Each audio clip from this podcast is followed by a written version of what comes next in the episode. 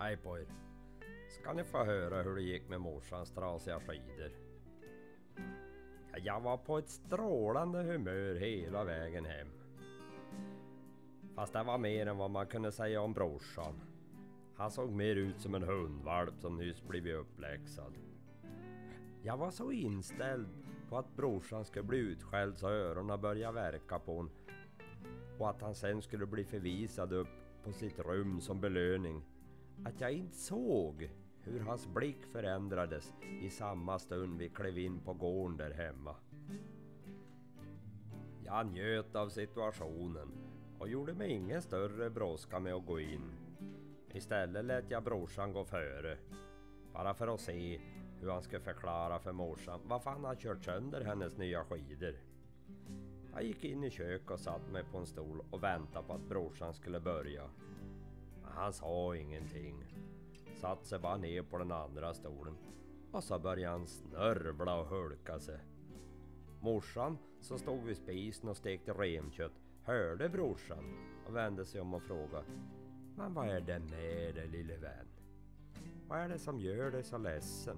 Och så vände hon sig om och spände ögonen i mig. Titta inte på mig, sa jag. Jag har inte gjort något. Jag har varit snällare än någonsin. Är det någon som ska skäll idag, ja då är det han. Fortsatte jag och log. Den gången lärde jag mig att man ska aldrig ta ut en seger i förskott. För nu satte brorsan igång och lipa som aldrig förr. Ja, morsan hon blev ju alldeles förtvivlad och tog upp honom i knät för att trösta honom.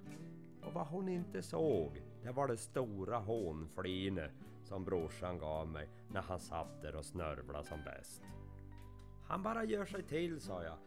När jag förstod att han hade planerat det här hela vägen hem. Det var hans idé från första början, inte min. Hans idé och inte din, sa morsan. Vad pratar ni om? Tala om vad som har hänt.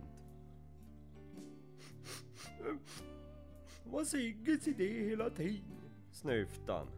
Han tvingade mig att hoppa över en tunna, fast jag inte ville. Han sa att om jag inte hoppade över skulle han lämna kvar mig ensam i skogen. Var det allt, sa morsan? Det är väl inget att grina för? Ja, man tvingade mig att tjuvlåna dina skidor också, sa brorsan. När jag hoppade så gick de sönder. Jag reste mig från stolen och började gå mot mitt rum.